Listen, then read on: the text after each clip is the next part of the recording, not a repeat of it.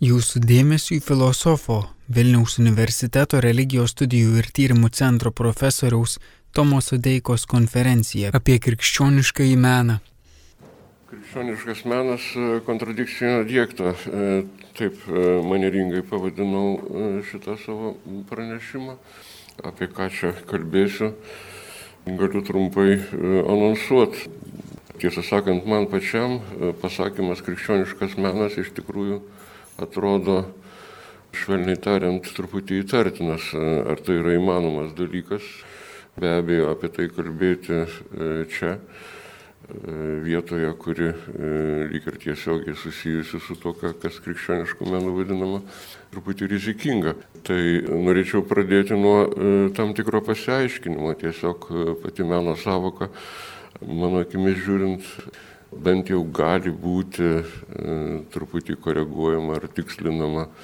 Šiaip jau mes esame įpratę e, menų vadinti viską, ką geologai atranda olose, turiu omenyje tos senuosius piešinius iš netmenamų laikų. Ir šitą e, meno savoką išplečia tiek, kad jinai apriepia ir tai, ką dabar žmonės vadinantys save ar kitų vadinami menininkais daro negaliu prieštarauti prieš e, tokią plačią meno sampratą, bet vis dėlto man pačiam kartais atrodo, e, kad būtų iš tiesų prasmingiau gerokai susiaurinti šitą savoką, apriboti ją. E, na ir tiesą sakant, čia ne pats sugalvojau tą mintį. Vienas turbūt iš iškiliausių šių laikinių menotyrininkų Hansas Beltingas yra parašęs tokią knygą, kuri man padarė labai stiprų įspūdį ir paskatino e, pačią meno savoką būtent e, taip bandyti permastyti e, ją susiaurinant. Knyga vadinasi Kultas ir vaizdas.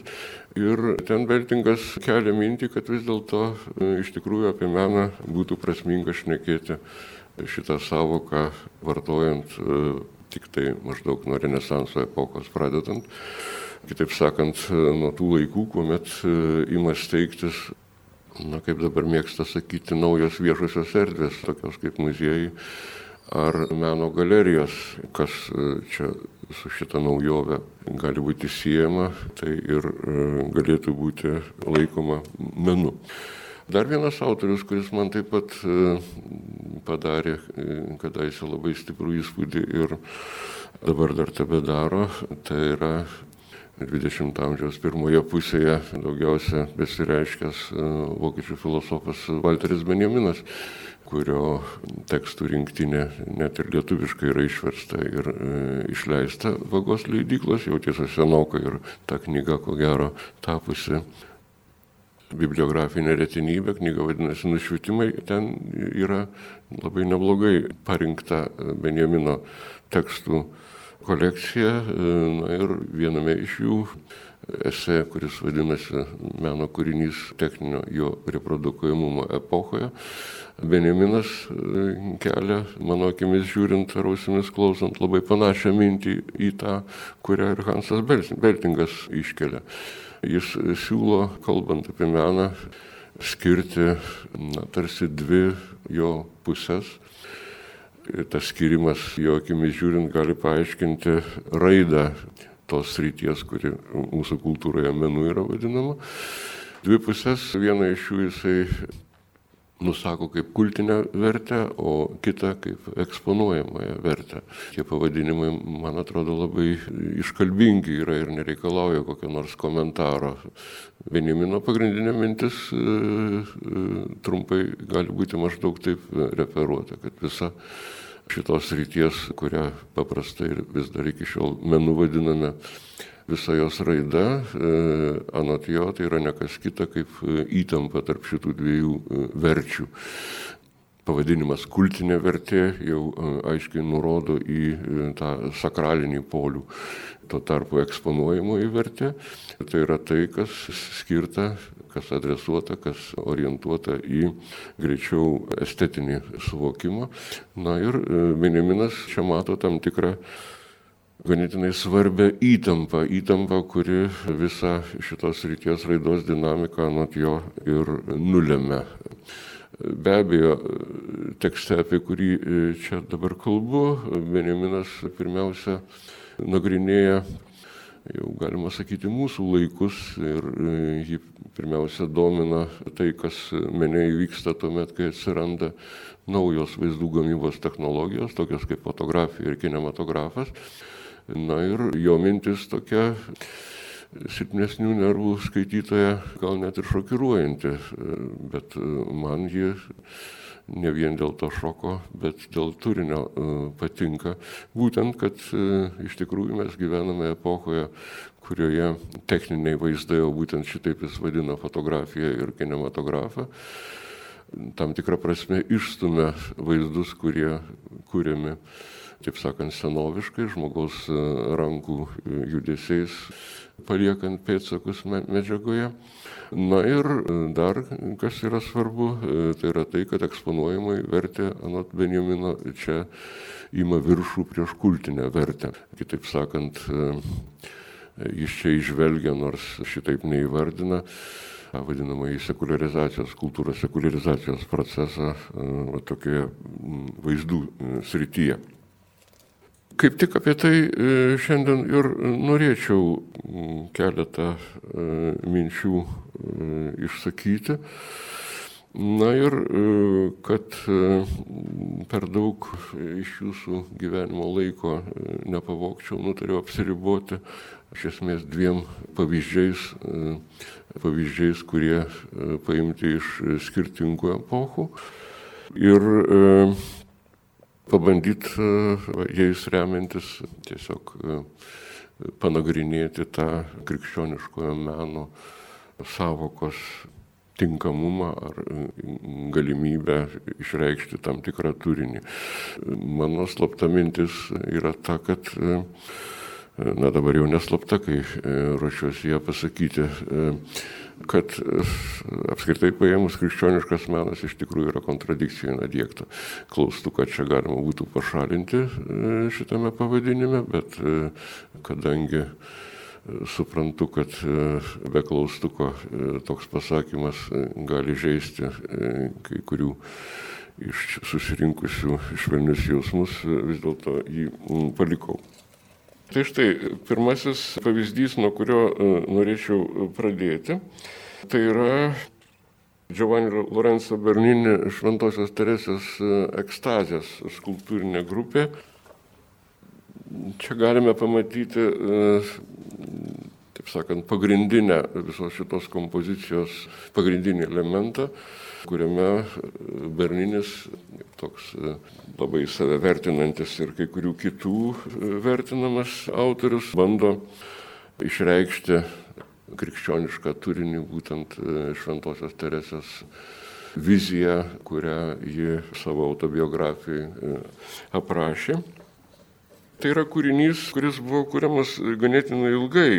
Beninis pradėjo e, savo kūrybą 1645 metais ir e, baigė 1652 metais, septynis metus buvo kuriama, be abejo, ne vien tik tai šita skulptūrinė grupė, bet e, ten e, yra visa koplyčia jo suprojektuota ir dar apie kuriuos toje koplyčioje randamus jo darbus taip pat norėčiau pašnekėti. Koplyčia yra e, Romoje Santa Marija dėlė Vitorija e, bažnyčioje. Na ir žiūrėdami į šitą Berninio kūrinį, prisimindami, kas jame vaizduoja, galime iš tikrųjų patvirtinti, kad tikrai tai, ką skulptorius čia mums siūlo kaip Benjamino žodžiais tariant, eksponuojamąją vertę e, turėtų turėti ir kultinę e, vertę. Jums leidus aš norėčiau pacituoti nedidelį fragmentą iš Šventosios Teresės autobiografijos, kurioje aprašo būtent e, šitą mistinę patirtį, kurią Berninis čia ir pavaizdavo.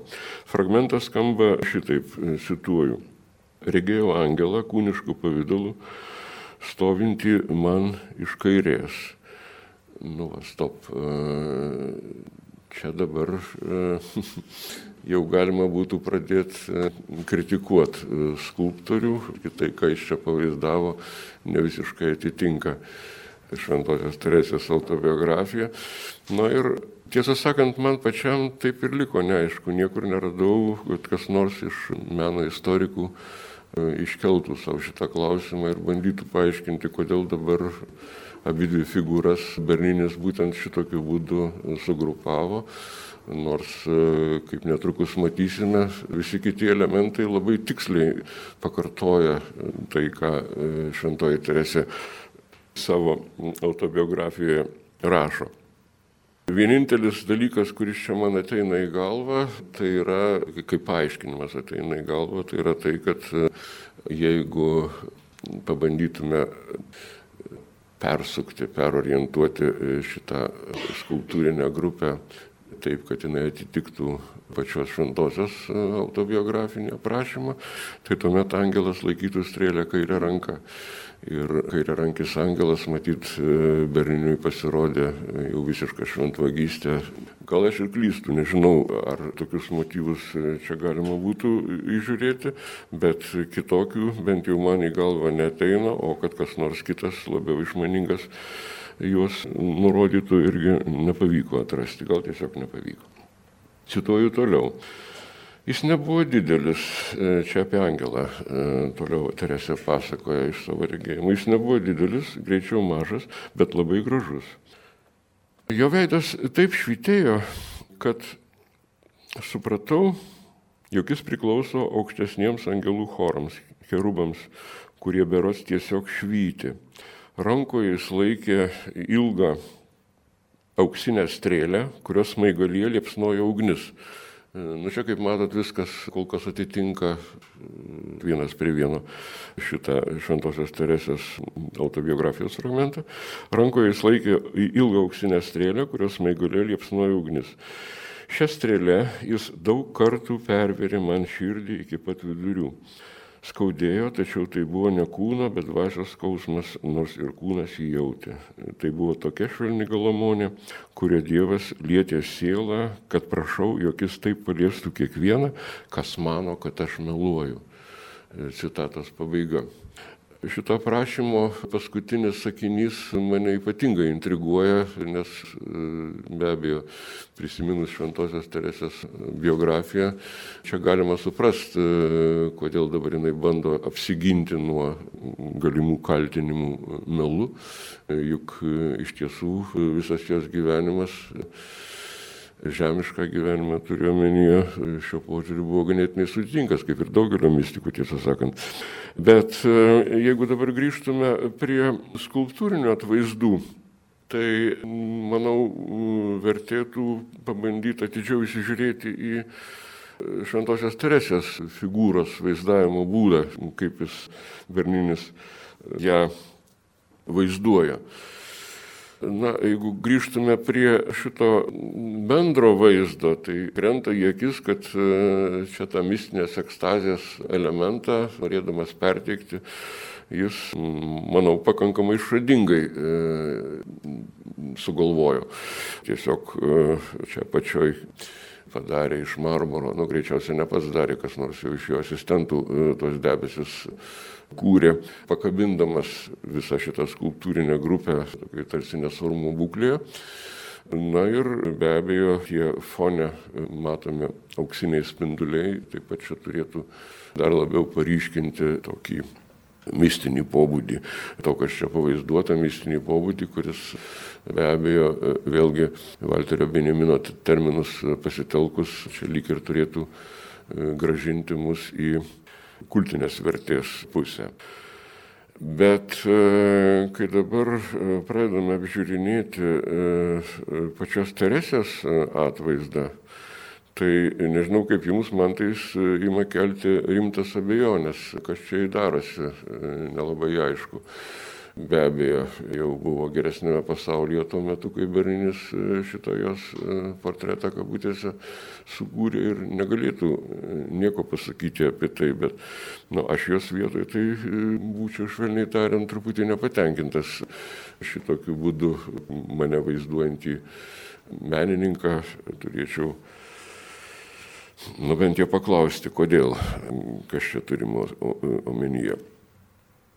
Man, kaip žmogui paprastam ir neslepiančiam savo minčių, šitoks atvaizdas kelia greičiau asociaciją su pornografiniais žurnalais, negu kad su vaizdais, kurie tinkami e, sakralinėje erdvėje, nes čia jau koplyčia, e, į kurią žmonės šiaip jau turėtų melstis ateiti, e, o ne žiūrėti.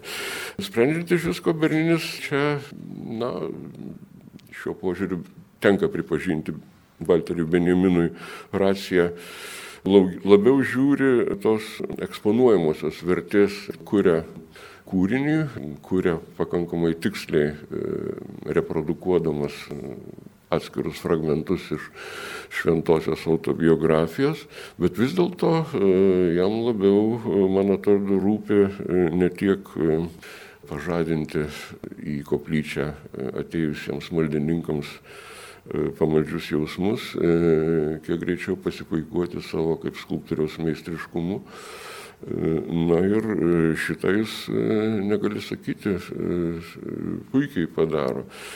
Bet klausimas, ar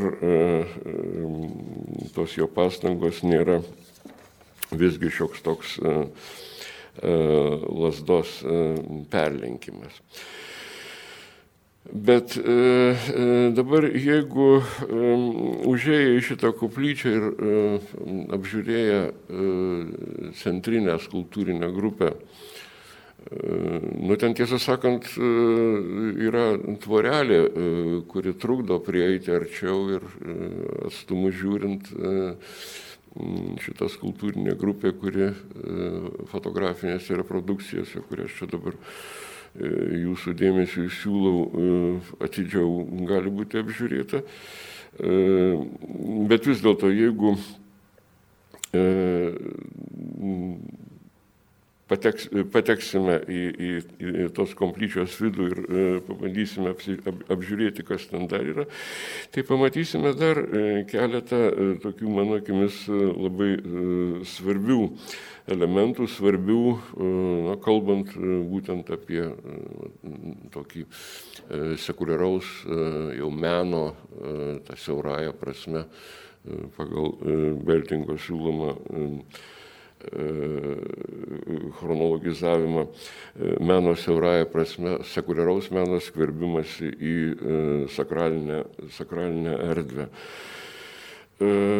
Iš tikrųjų, čia kalbame apie kūrinį, kurį Berninis kūrė ne tiek pagautas kokio nors ypatingo pamaldumo, bet gavęs užsakymą.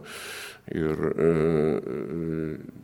tie iš jūsų, kas žino šiek tiek apie Berninio biografiją ir jo kūrybos evoliuciją, tai tą užsakymą jis gavo tokiu ganėtinai sudėtingu jam pačiam metu, nes nusprendžiant iš visko, tai buvo labai ambicingas žmogus ir vienas iš jo ambicingiausių projektų tai buvo pastatyti bokštus Švento Petro bazilikai Romoje.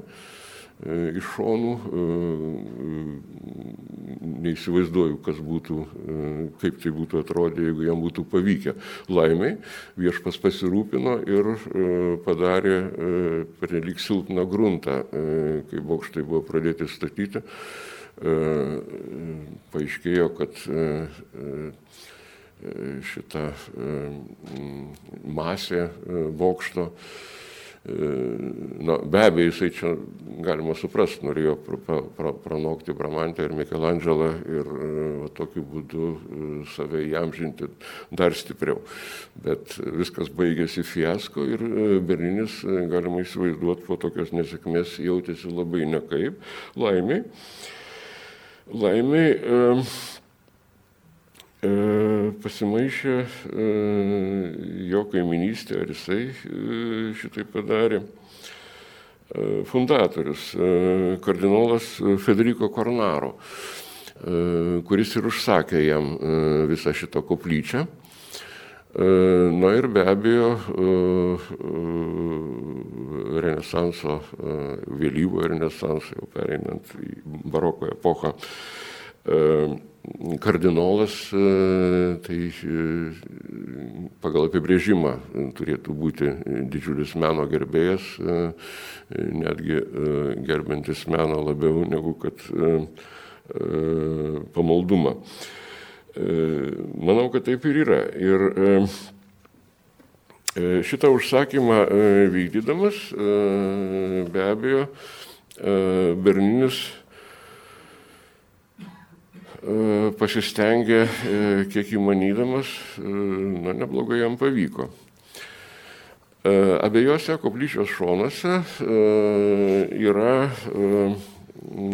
padaryti tokie kvazigoreliefiniai balkonėliai.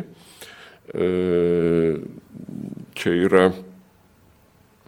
dabar tas dešinysis šonas, kuriame keturias figūras matome. Ir kairiajame šone taip pat keturios figūros pavaizduotos. Kas tie žmonės? Čia, jeigu gerai matosi, tas vyrukas panašus į Šekspyrą ir yra Federico Kornaro, taip sakant, užsakovas, fundatorius, o aplink jį dar yra jo giminaičiai, trys kardinolai, kurie taip pat, taip sakant, atstovauja šitą šeimą ir šitą luomą. Lygiai tas pats šitoj pusėje. Tas vat, dėdukas krašte pavaizduotas, jis vienintelis nėra dvasiškis, tai yra taip pat Kornaros šeimos narys Venecijos dožas, o kiti taip pat gavę kardinolo šventimus asmenys. Na ir jeigu imsime domen bendrą koplyčios kompoziciją, tai verta atkreipti dėmesį į tai, kad visos aštuonios figūros po keturias abiejose kraštuose, taip sakant, dalyvauja šitoje Šventosios Teresės ekstazėje. Na ir man pasirodė labai įdomu atkreipti dėmesį, kaip jie elgesi, ką jie čia daro. Jeigu taip dabar tiesiai paklausčiau jūsų, kaip jums atrodo. Dar daugiau galėjau pradėti būtent nuo jų ir tuomet efektas būtų dar stipresnis. Kaip savo norit, man tai niekaip neteina mintis apie tai, kad jie kaip nors pamaldžiai nusiteikia ar sukrėsti to šventosios išgyvenimo, kurį jie čia mato. Dar daugiau, jeigu atkreipsime dėmesį į šitą foną, ką jis čia padarė, tai yra teatro, teatro foje. Visi aštuoni, septyni kardinolai ir, ir tas vat, dožas jie sėdi teatro ložėse ir kas iš to išplaukia. Na, sutikit, kad teatras ir bažnyčia tai nėra tas pats. Į teatrą žmonės eina visiškai kitų tikslų siekdami, pasižiūrėti, kas scenoje dedasi o dedasi įvairūs dalykai, bet nepaisant tos įvairovės visą laiką pirmame plane atsiduria, vėlgi Valterio Benjamino terminus pasitelkus galėtume sakyti, eksponuojamoji vertė. Teatras tai yra regykla, kur pakanka žiūrėti, na ir geriausiu atveju patirti estetinį išgyvenimą, galbūt net ir katartinę patirtį, sielos apsivalymą.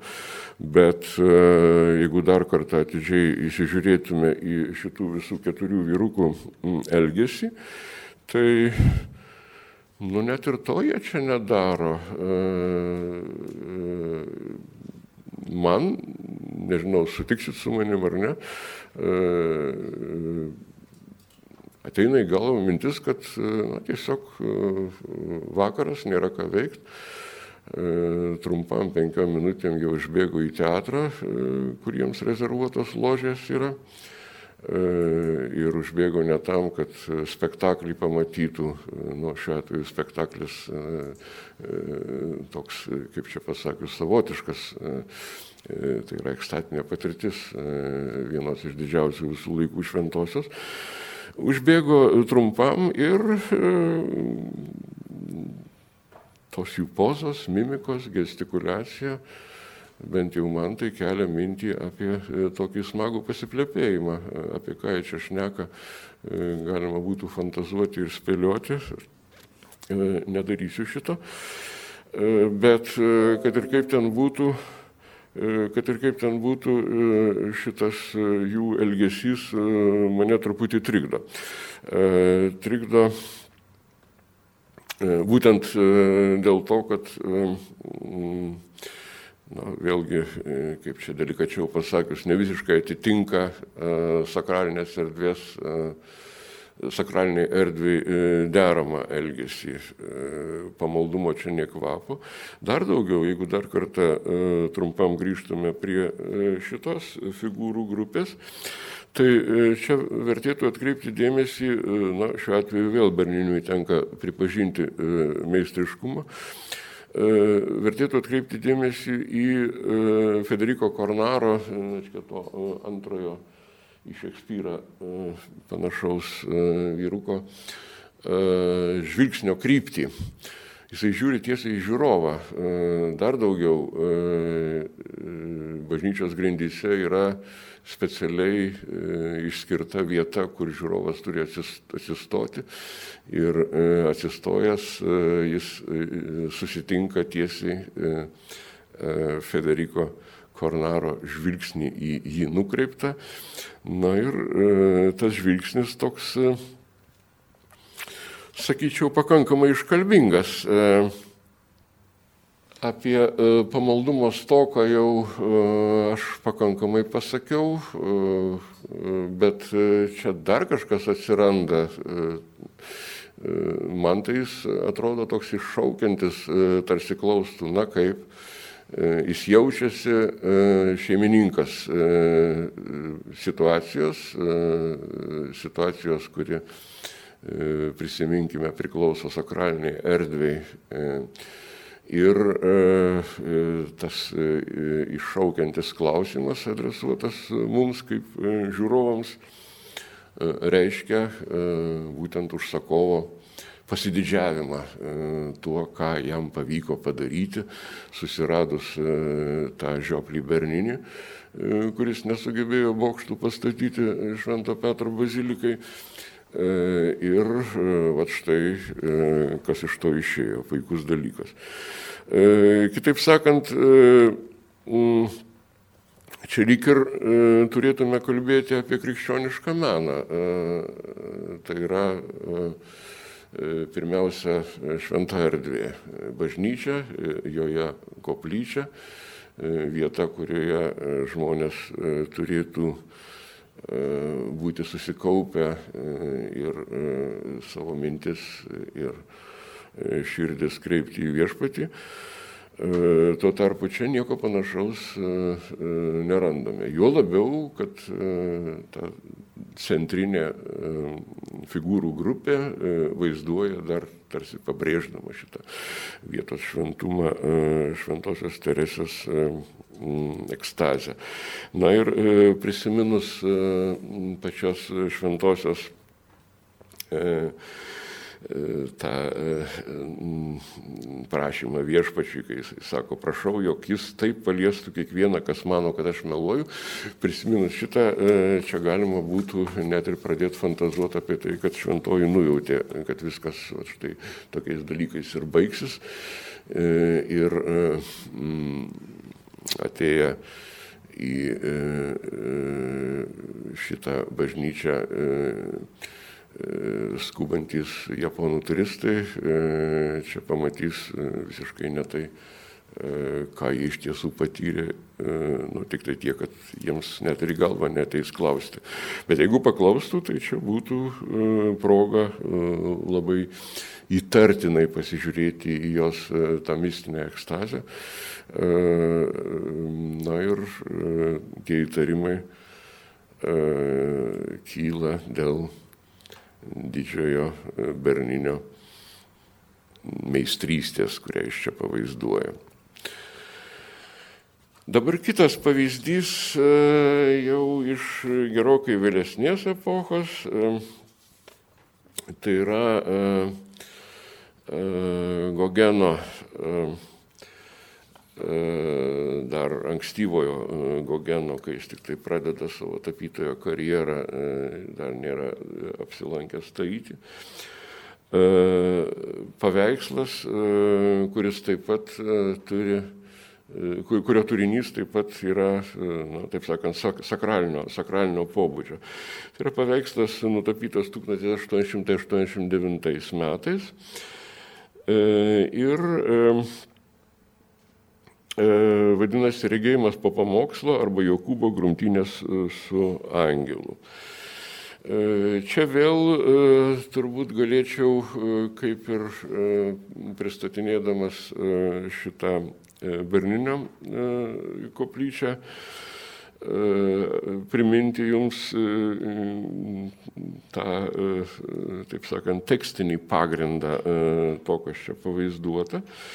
Be abejo, Jokūbo kova su angelu, tai yra epizodas iš pradžios knygos 32 puslapio, kuris skamba šitaip. Čia šiuo atveju šventą įraštą cituoju, aną kartą tai buvo šventosios autobiografija. Jokūbas pasiliko vienas, tuomet kažkoks vyras grūmėsi su juo iki pat aušros.